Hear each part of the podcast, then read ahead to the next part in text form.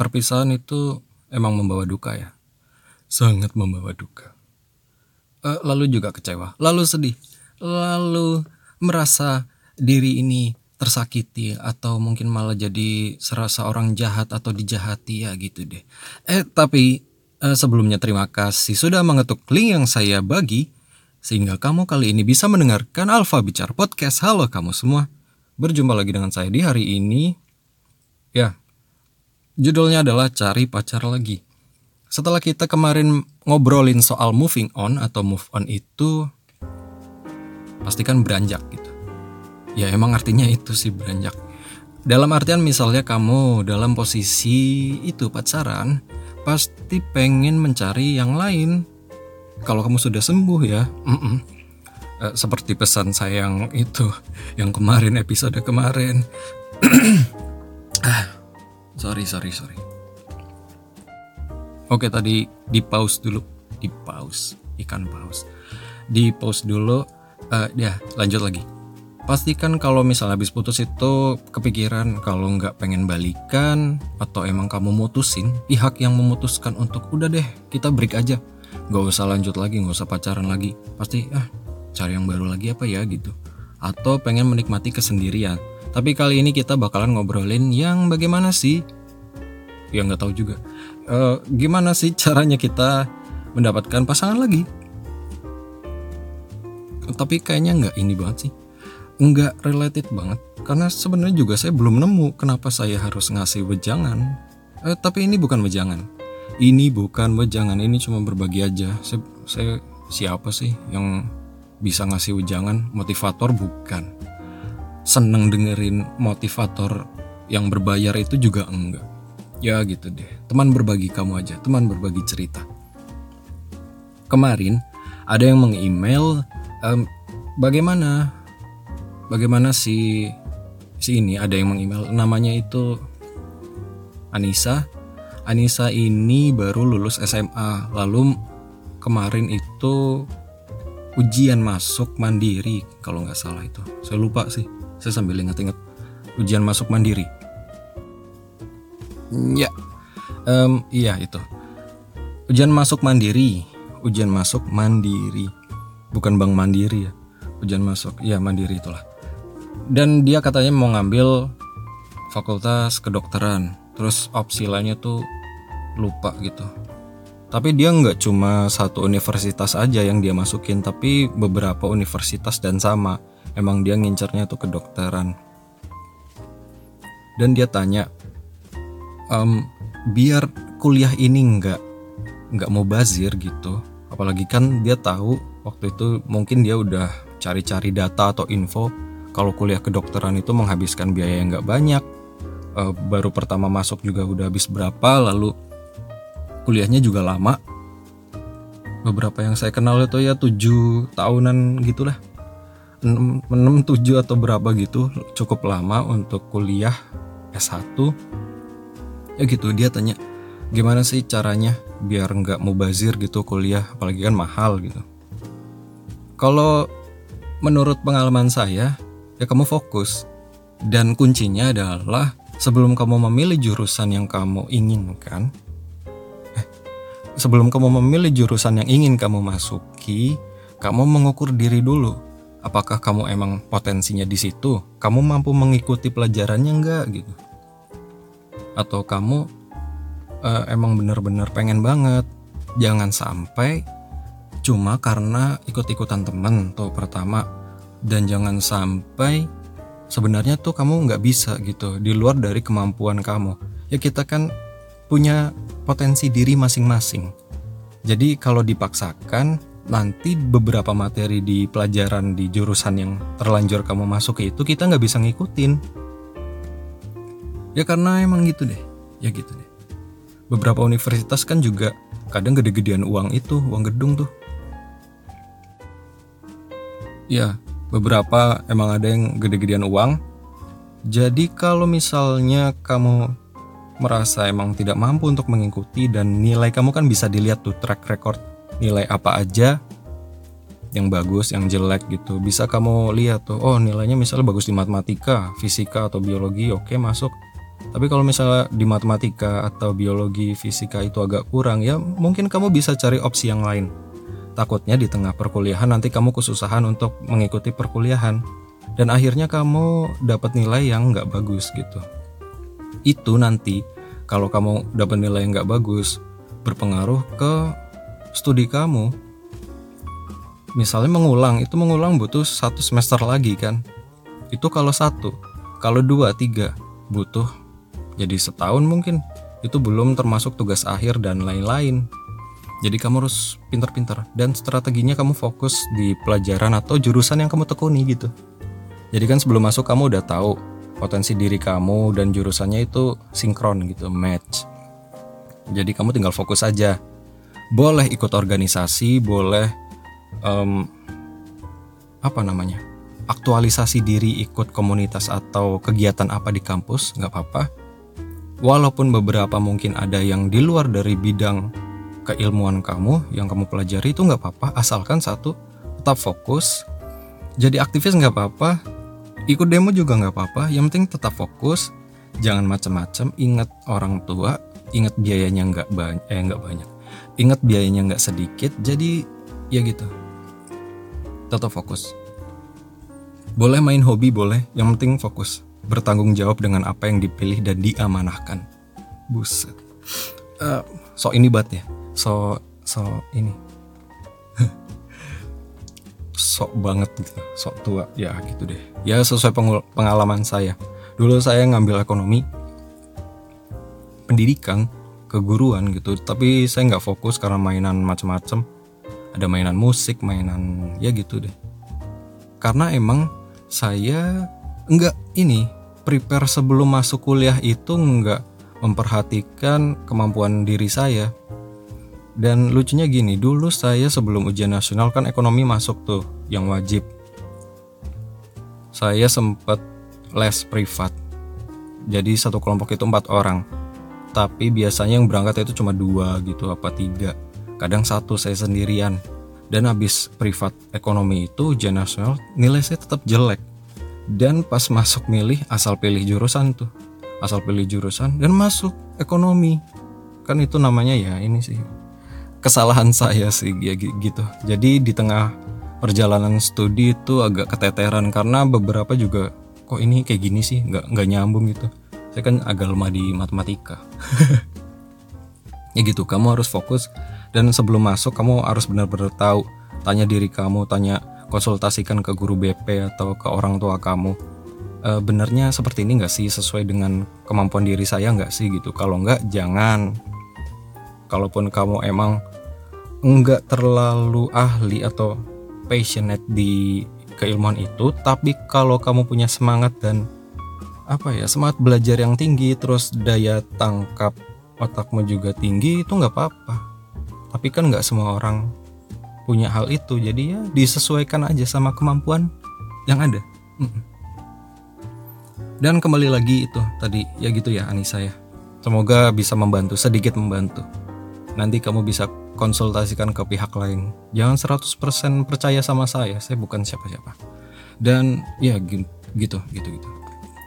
Kembali ke cari pacar. Cari pacar lagi. Ya kalau di umur sekolah, di umur kuliahan itu maklum banget sih. Saya dulu waktu umur SM, umur SMA. Waktu pas SMA itu pacaran berapa kali ya? pertama dapat pacar itu SMA kelas 1 itu pun berapa hari nggak sampai satu minggu itu dua hari mungkin itu pun karena nggak niat ya karena di ini diledek-ledekin sama teman akhirnya tembak ah diterima. Lalu nganterin pulang dan besoknya orangnya nggak mau ini lagi sama saya komunikasi lagi sama saya dan yaudah gimana? Putus ya udah. Ya gitu deh malu. Ah, asem asem bener. Dan waktu SMA lagi ada berapa ya? Dua mungkin ya? Dua. Dua mungkin. Dan waktu kuliah ya lumayan. Sebenarnya apa sih yang dicari waktu kita berniat untuk nyari pacar teman um, apa pelampiasan sesuatu atau pelarian akan apa gitu ya setiap orang punya alasan dan motifnya tersendiri masing-masing nggak sama.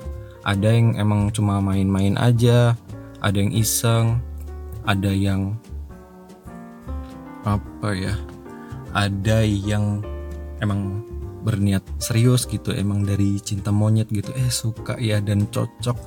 Lalu ada teman saya juga sampai menikah juga. Ya gitu gitu. Eh saya tiga kali ding pas SMA pas SMA itu tiga kali pas kuliah itu saya lupa. Dan itu waktu SMA sih ya agak gimana juga sih. Ya namanya juga masih kecil. Dan kalau kamu masih sekolah tujuan kamu sebenarnya apa sih kalau mau ini nyari-nyari pacar apa teman doang atau apa? Ya bukan ini lagi nggak dipungkiri lagi lah. Tabu gitu. Bukan hal yang tabu lagi. Kalau emang beberapa dari kita kawan-kawan kita atau saudara kita juga kadang kalau pacaran juga kebablasan. Semoga semoga kamu nggak gitu ya. Nggak gitu. Jangan. Apalagi kemarin itu ada film yang hits banget. Kok hits banget sih? Yang baru yang baru keluar. Saya suka sih tapi saya belum nonton. Tapi semoga nanti ada di aplikasi streaming online. Karena jujur saya malas untuk nonton film di bioskop. Karena ya gitu kemarin ini deh yang pernah saya bagi pengalaman nonton Avengers Endgame itu. Gak semua orang di bioskop itu zaman sekarang ya. Itu menaati peraturan yang ada di bioskop. Jadi kayak seenaknya sendiri tanpa um, menghormati pengunjung atau penonton yang lain. Kadang sih jadi nggak fokus, kadang sebel gitu, sebel sama yang pengunjung. Tapi males buat untuk keluar dari tempat itu, tempat film itu. Ya karena kan udah sayang-sayang, udah bayar, masa ya gitu deh. kan kere.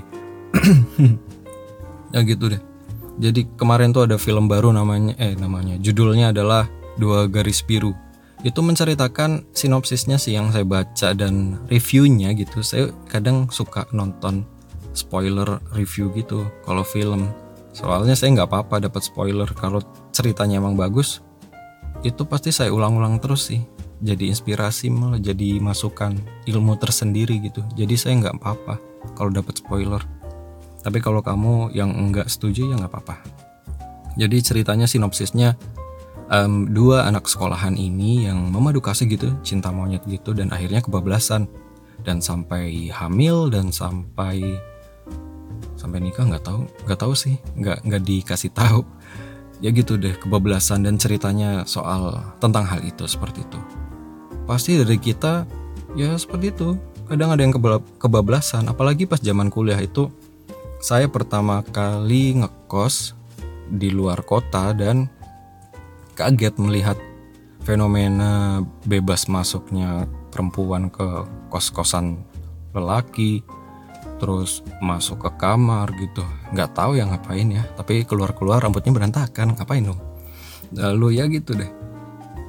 Dan mm -mm. jadi sebenarnya kamu motivasinya cari pacar tuh buat apa?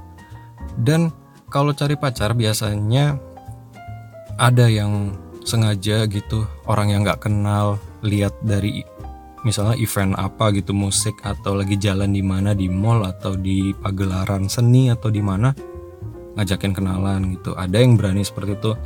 Ada yang karena kondisional dia lagi berada di kondisi di satu kelas mungkin berada di satu kelas atau di satu kantor atau di satu lokasi, satu organisasi akhirnya cinta lokasi seperti itu. Ada juga yang sekarang nih, zaman saya sih belum ada. Belum ada, tapi nanti saya cerita. Zaman sekarang itu aplikasi dating online. Ada Tinder, terus apa lagi sih? Ya banyak deh, ada Tinder. Lalu saya juga nginstal beberapa beberapa berarti ada ada beberapa pokoknya tapi saya lupa namanya dan saya pernah nyoba juga swipe swipe kanan kalau kalau oke okay, swipe kiri kalau nggak oke. Okay. beberapa ada yang match ya banyak sih beberapa. Tapi yang memutuskan untuk langsung ketemuan belum ada. Ketemuan belum ada. Tapi komunikasi via online tukeran nomor WhatsApp atau ngechat di aplikasi itu atau tukeran sosmed, berinteraksi, saling like, komen dan lain-lain itu ada beberapa. Om pernah gak? Pernah install kayak gituan gak? Gak apa-apa sih gak dosa. Uh, apalagi kalau promo terakhirnya ini kalau Tinder ya, kalau Tinder itu mem memperluas makna dari jodoh. Jadi jodoh itu belum belum tentu dan enggak harus selalu untuk jadi pacar atau pasangan. Bisa berjodoh untuk event gitu. Uh, contohnya, oh, saya lagi di Jogja misalnya, saya lagi di Jogja untuk terus tapi nggak tahu nih, nggak tahu daerah Jogja lokasi wisata yang bagus mana, tempat tongkrongan yang oke di mana, lalu buka Tinder. Ada yang mau nemenin saya nggak jadi guide atau gimana gimana gitu. Itu juga bisa contohnya seperti itu. Lebih luas lagi sekarang waktu awal-awal sih saya install sih lebih fokus ke soal perjodohan itu jadi pasangan atau pacar. Beberapa juga ada yang sampai menikah tunangan dan banyak lah gitu. Beberapa juga ada yang emang niatnya motifnya itu lain seperti one night stand atau seperti cuma apa gitu. Ya banyak deh soalnya kan di sana kita secara nggak langsung emang menilai seseorang itu dari fisiknya aja. Foto yang terpampang atau yang diupload seseorang di aplikasi tersebut. Jadi poin pertama yang dia fokuskan kita fokuskan misalnya kita lagi buka aplikasi itu emang wajahnya atau badannya atau gimana lalu baru deskripsi kriterianya um, ini calon yang kita mau swipe itu seperti apa sih? Cocok sama kita apa enggak sih? Kalau cocok ya oke okay, di swipe kanan. Kalau nggak cocok ya udah swipe kiri.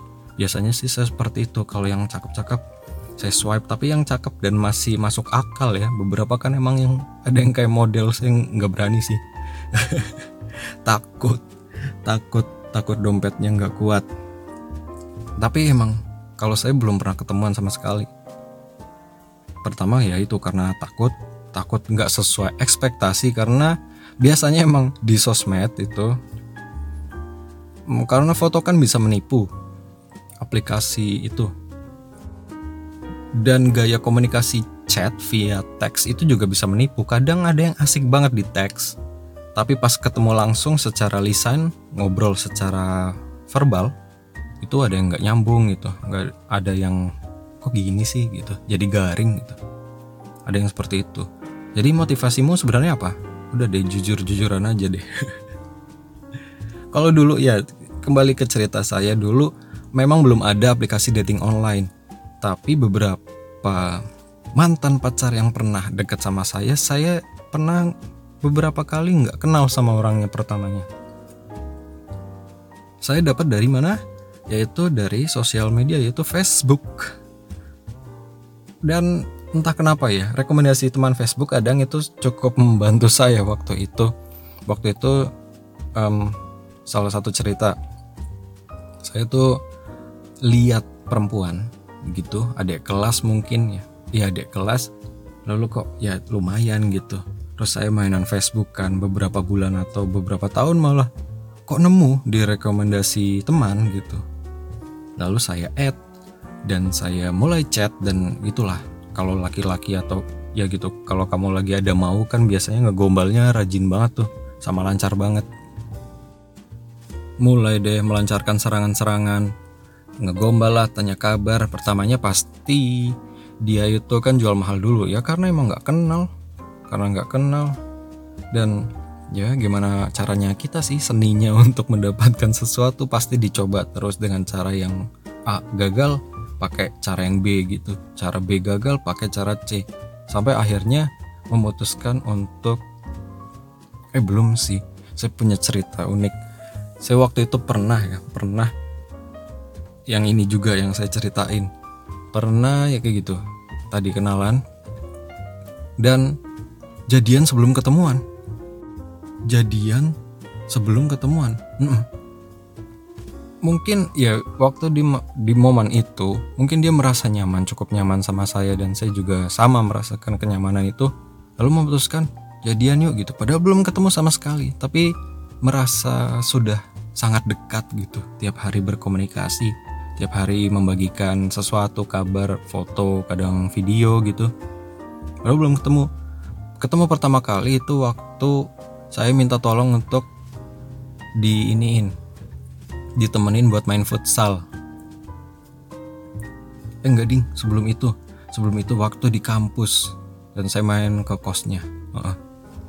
itu ketemu. Eh, enggak ding. Enggak enggak enggak enggak enggak, enggak. waktu malam-malam.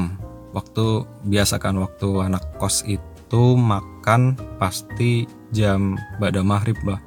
Jam 7 gitu setengah 7 jam 7 jam setengah 8 saya minta ditemenin oh nggak makan bareng yuk gitu. Akhirnya ketemuan. Dan di situ oke okay, sini masuk masuk masuk ke kos. Lalu kita hmm, nyari tempat makan. Nyari tempat makan akhirnya kita ketemuan dan akhirnya cerita cerita dan di situlah momen kejadian di mana ternyata nggak semua orang yang asik di teks atau chat itu asik di dunia nyata. Waktu orang ini di teks di belum WhatsApp waktu itu BBM mainnya BBM bagi pin dong gitu. Kalau nggak nomor bagi pin dong. Waktu chattingan di BBM itu asik banget. Pakai emoticon pakai macam-macam lah. Asik. Ada aja bahasanya dan ketika ketemu langsung entah karena orangnya emang pendiam atau shock lihat saya yang asli gitu ya ya lumayan lumayan lumayan akrab gitu. Tapi ada yang kurang seperti ada yang kayaknya kok janggal gitu. Ada kayak ada yang kurang. Dan berjalan berapa ya? Mungkin satu atau dua bulan. Dan kondisinya saat itu juga saya lagi punya hubungan dengan orang lain gitu. Akhirnya kita bubar. Ya mungkin karena yang tadi saya ceritain itu.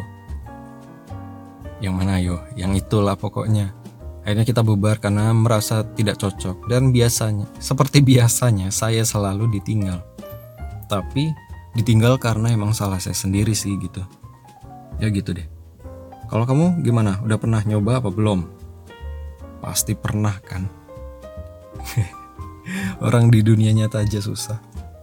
Ya tapi gitu. Biasanya kalau nggak teman lama teman sekelas teman satu organisasi teman satu kantor atau temennya teman lah pokoknya. Itu pasti kalau sekarang bisa via online tapi via online itu nggak semuanya serius ya. Tergantung ada juga yang nipu kok. Kalau di Tinder tuh beberapa ada yang ada yang emang di deskripsinya menuliskan ingin serius, ingin segera mencari calon pasangan untuk menikah dan lain-lain gitu. Kalau yang mau main-main jangan swipe ke kanan gitu ada gitu. Kayak udah ngebet banget. Lalu ada yang um, one night stand only gitu ada yang gitu motifnya macam-macam. Nggak dipungkiri emang ya orang kan ya berbeda-beda sih.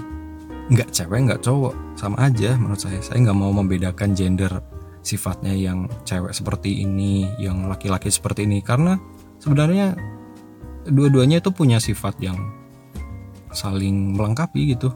Di cewek ada di cowok juga ada gitu di cowok yang mata keranjang ada di cewek yang mata keranjang juga ada. Ya gitu deh motifnya macam-macam. Lalu gimana sih biar dapet seseorang yang cocok sama kita?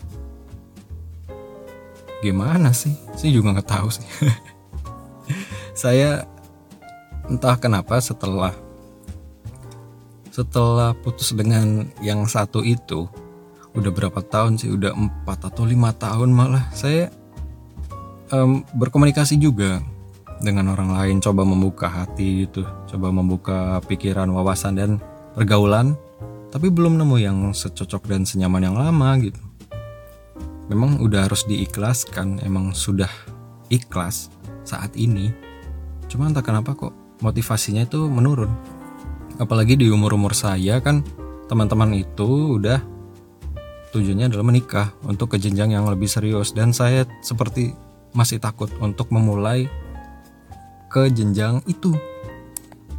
Saya merasa lebih super power ketika pas kuliah atau sekolah beneran. Waktu itu mungkin kantong cekak. Waktu itu pernah nggak punya kendaraan tapi saya berani aja buat PDKT sekarang enggak sekarang lihat-lihat dulu. Yang jadi salah satu pertimbangan adalah orang ini kerjanya di mana? Pergaulannya seperti apa? Latar belakang keluarganya gimana? Seperti itu. Saya jadi mikir yang terlalu jauh dan ini. Padahal kan emang nggak semua orang um, seperti yang terlihat di luarannya. Ada yang emang di luarnya kelihatannya glamor banget aslinya enggak ada yang kelihatannya jelek gitu. Eh bukan maksudnya nggak sesuai dengan dompetnya gitu. Ya ada juga tapi entah kenapa jadi salah satu pertimbangan. Mungkin karena udah tua kali ya. Kalau waktu kuliah itu lebih enak. Misalnya lihat ada yang cakep dikit wah nanti tanya deh ke siapa gitu teman kita atau siapa. Punya nomornya nggak? Punya pinnya nggak? Gitu. Uh, sosmednya apa sih? Facebooknya apa gitu? Waktu, waktu dulu zaman Facebook. Sekarang nggak seberani itu coy kangen deh masa-masa itu. Masa-masa perkasa itu gue deh. Ya gitu deh. Kalau kamu yang lagi kuliah atau sekolah ya nikmati masa-masa percintaanmu gitu. Tapi jangan kebablasan. Sebisa mungkin yang bisa memotivasi kamu. Misalnya lagi fokus sekolah atau kuliah ya bisa memotivasi kamu buat menyelesaikan perkuliahan atau uh, pelajaran keilmuan itu yang dengan hasil yang lebih baik dan dalam jangka jangka waktu yang emang sesuai gitu. Jangan yang bikin molor bikin kamu jadi males bikin kamu ke pergaulan yang gak bagus. Um, gitulah. Kalau misalnya kuliah itu karena misalnya anak, banyak kan anak kos ya emang ya bukan ini lagi lah bukan tabu lagi kalau ada fenomena free sex di kalangan mahasiswa. Saya waktu itu ya yang kaget itu pertama itu entah ya mereka melakukan apa tapi ngapain coba? Kalau di kamar kosan kecil dan nyalain kipas dan berduaan pintunya ditutup. Ngapain lagi? Nonton film. Ngerjain apa? Artikel ilmiah. Ya gitu kita kan sebagai tetangga kos jadi jadi mengandai-andai mengira-ira gitu. Ya emang ya kayak gitu deh ada yang kebablasan ada juga yang enggak gitu. Pegang tangan cuman pelukan gitu. Gimana? Kamu ngelakuin itu? Alah udah deh. Nggak usah bohong. Ya gitu deh. Jadi kamu jangan sampai kebablasan gitu. Ingat orang tua gitu. Ingat orang tua kamu ingat orang tuanya dia. Ngegedein anak tuh susah.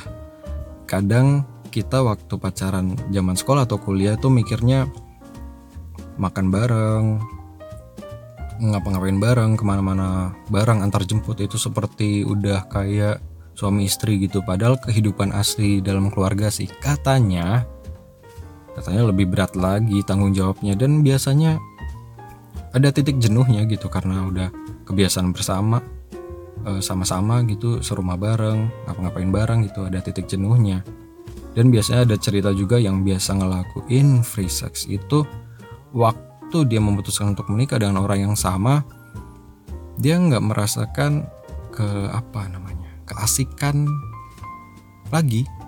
Nggak ngerasain keasikan lagi karena udah dilakuin sebelumnya. Sebenarnya kan seharusnya itu sebelum eh sesudah ikatan yang resmi kan yang sah. Jadi gitu. Jadi hati-hati.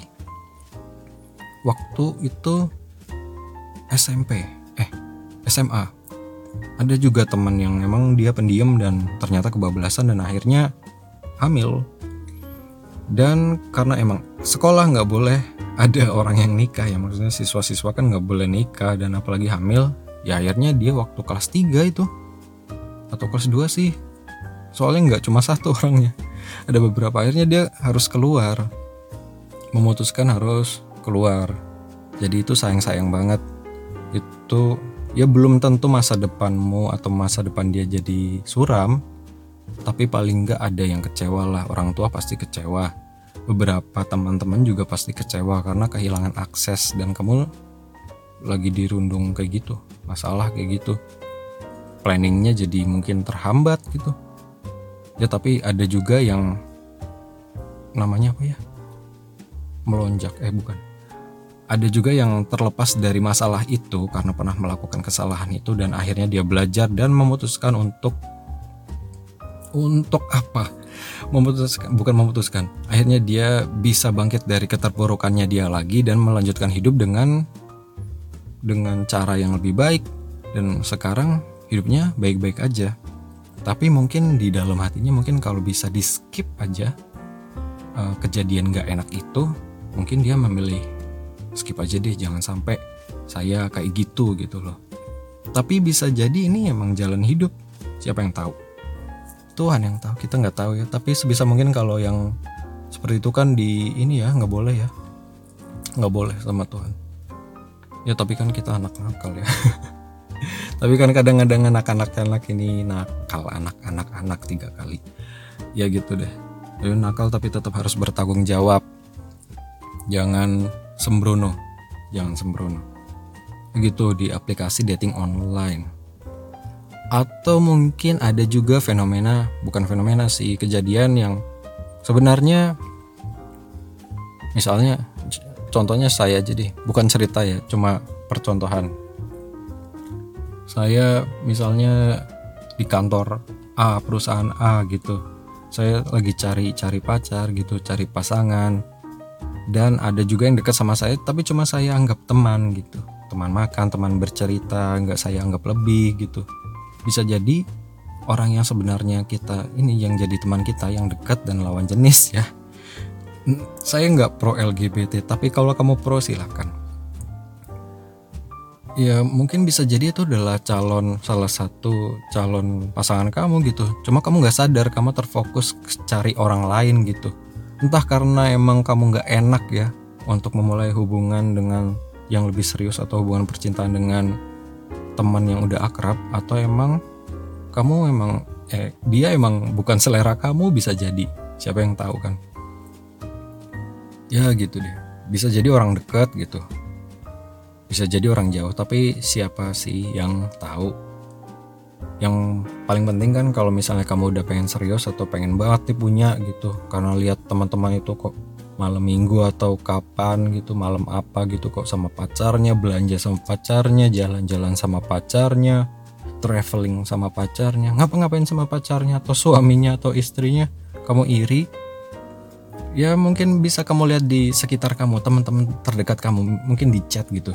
Siapa sih yang sering kepo story saya yang ngelakin terus yang sering banget ngechat gitu. Mungkin itu adalah salah satu sinyal perhatian. Mungkin dia yang ngechat kamu itu juga pengen diperhatikan balik gitu. Coba coba aja. Kalau kamu emang cocok ya coba buka pintu gitu. Kalau kamu nggak buka pintu dan jendela atau apa gitu nggak ada yang bisa masuk kan? Nggak ada yang bisa masuk dia nggak bisa masuk kamu juga nggak bisa keluar. Maksudnya apa? Ya mungkin salah satu dari teman dekat atau siapa lah gitu lah ya mungkin kamu kalau takut untuk mencoba aplikasi dating online mungkin diniatkan ya diniatkan salah satu tips. Diniatkan untuk cari teman atau cari link pergaulan pokoknya meluaskan pergaulan. Jangan terfokus untuk ah ini um, mau saya seriusin jadi pacar ah, atau cari istri ya jangan mending niatkannya tuh untuk cari teman atau relasi bisa jadi dia emang bisa berjodoh dalam soal percintaan dengan kamu atau mungkin dalam kerjaan atau bisnis bisa jadi kan gak ada yang tahu yang penting kalau semakin kita banyak nyebar bibit dan banyak link kemungkinan dapatnya itu lebih besar. Kemungkinannya. Berarti saya enggak dong. Hmm, gimana dong? Ya kalau saya sih kasusnya emang ada di diri saya sendiri yang saat ini di usia-usia seperti ini saya merasa nggak siap. Bentar, bentar. Nggak siap untuk berkomitmen serius, tapi pe pengen sih, pengen sih serius, tapi kayaknya kok uh, belum mampu secara berbagai aspek gitu deh. Saya pernah ditolak ditolak gara-gara saya ngerokok. Sebenarnya sih kalau di pikiran saya itu dia nolak saya karena mungkin saya jelek atau kere ya. Bukan saya ngerokok mungkin.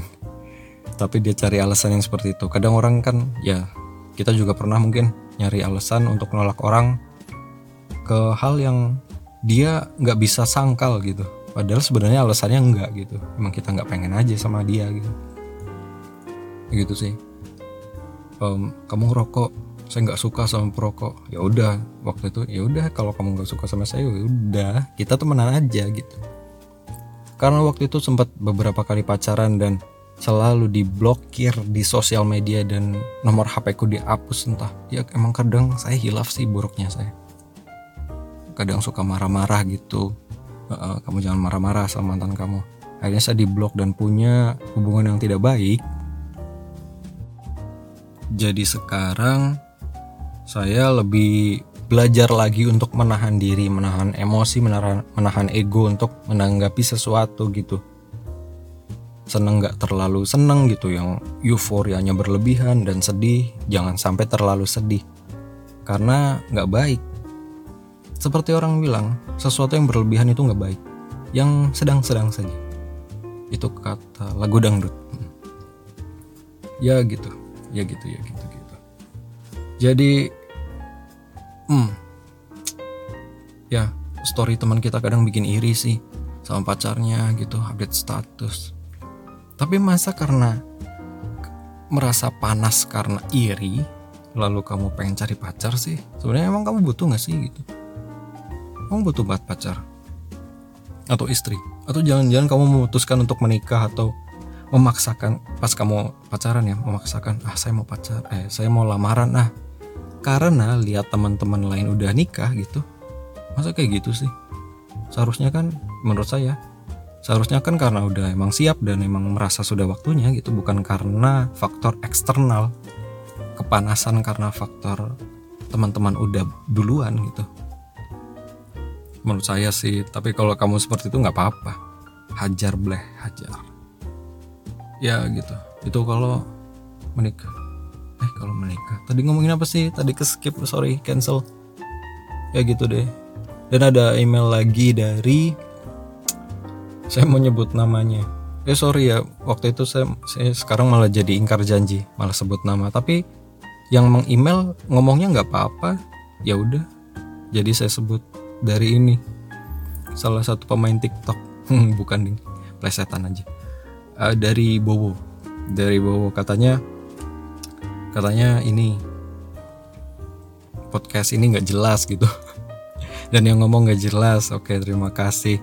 Lalu dia cerita juga dia ini saat ini udah bekerja di salah satu perusahaan BUMN dan orang tuanya ini punya usaha punya usaha.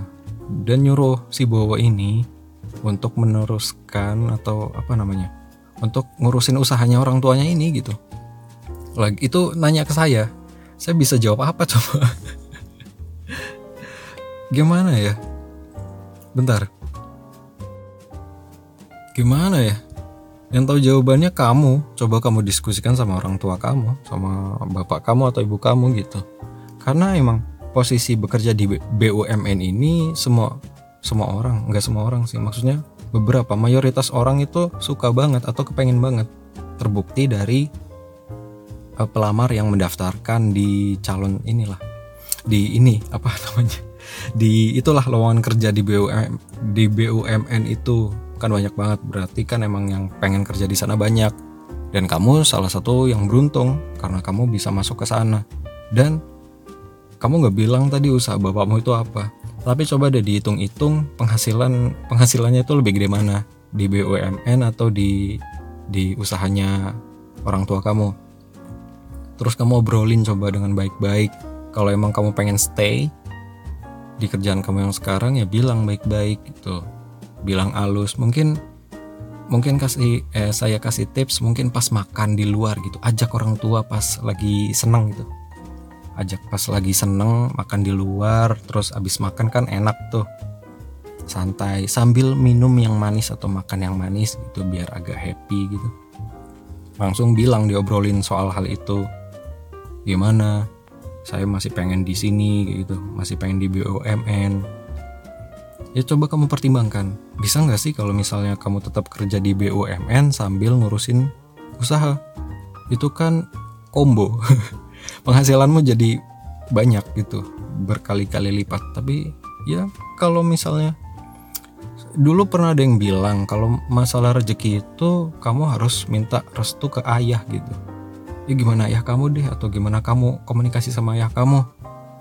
Jangan sampai kamu nggak dikasih restu sama bapak ibu kamu gitu dalam memilih sesuatu dalam hidup gitu.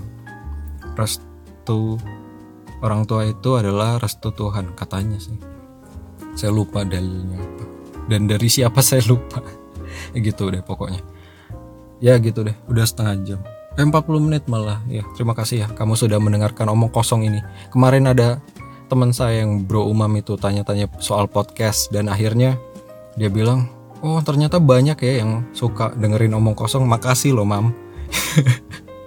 Emang nyatanya ini masih kosong. Maksudnya ya gimana ya banyak podcast yang isinya adalah motivasi dan ilmu. Mungkin saya terbatas tentang itu dan ya mungkin saya mau bercerita aja deh sama kamu. Sambil saya latihan untuk bicara lagi. Karena dulu sempat ada ya gitu deh kasus. Bukan kasus masalah. Saya sempat ceritakan saya pernah depres saya pernah mengalami masalah dan lain-lain gangguan.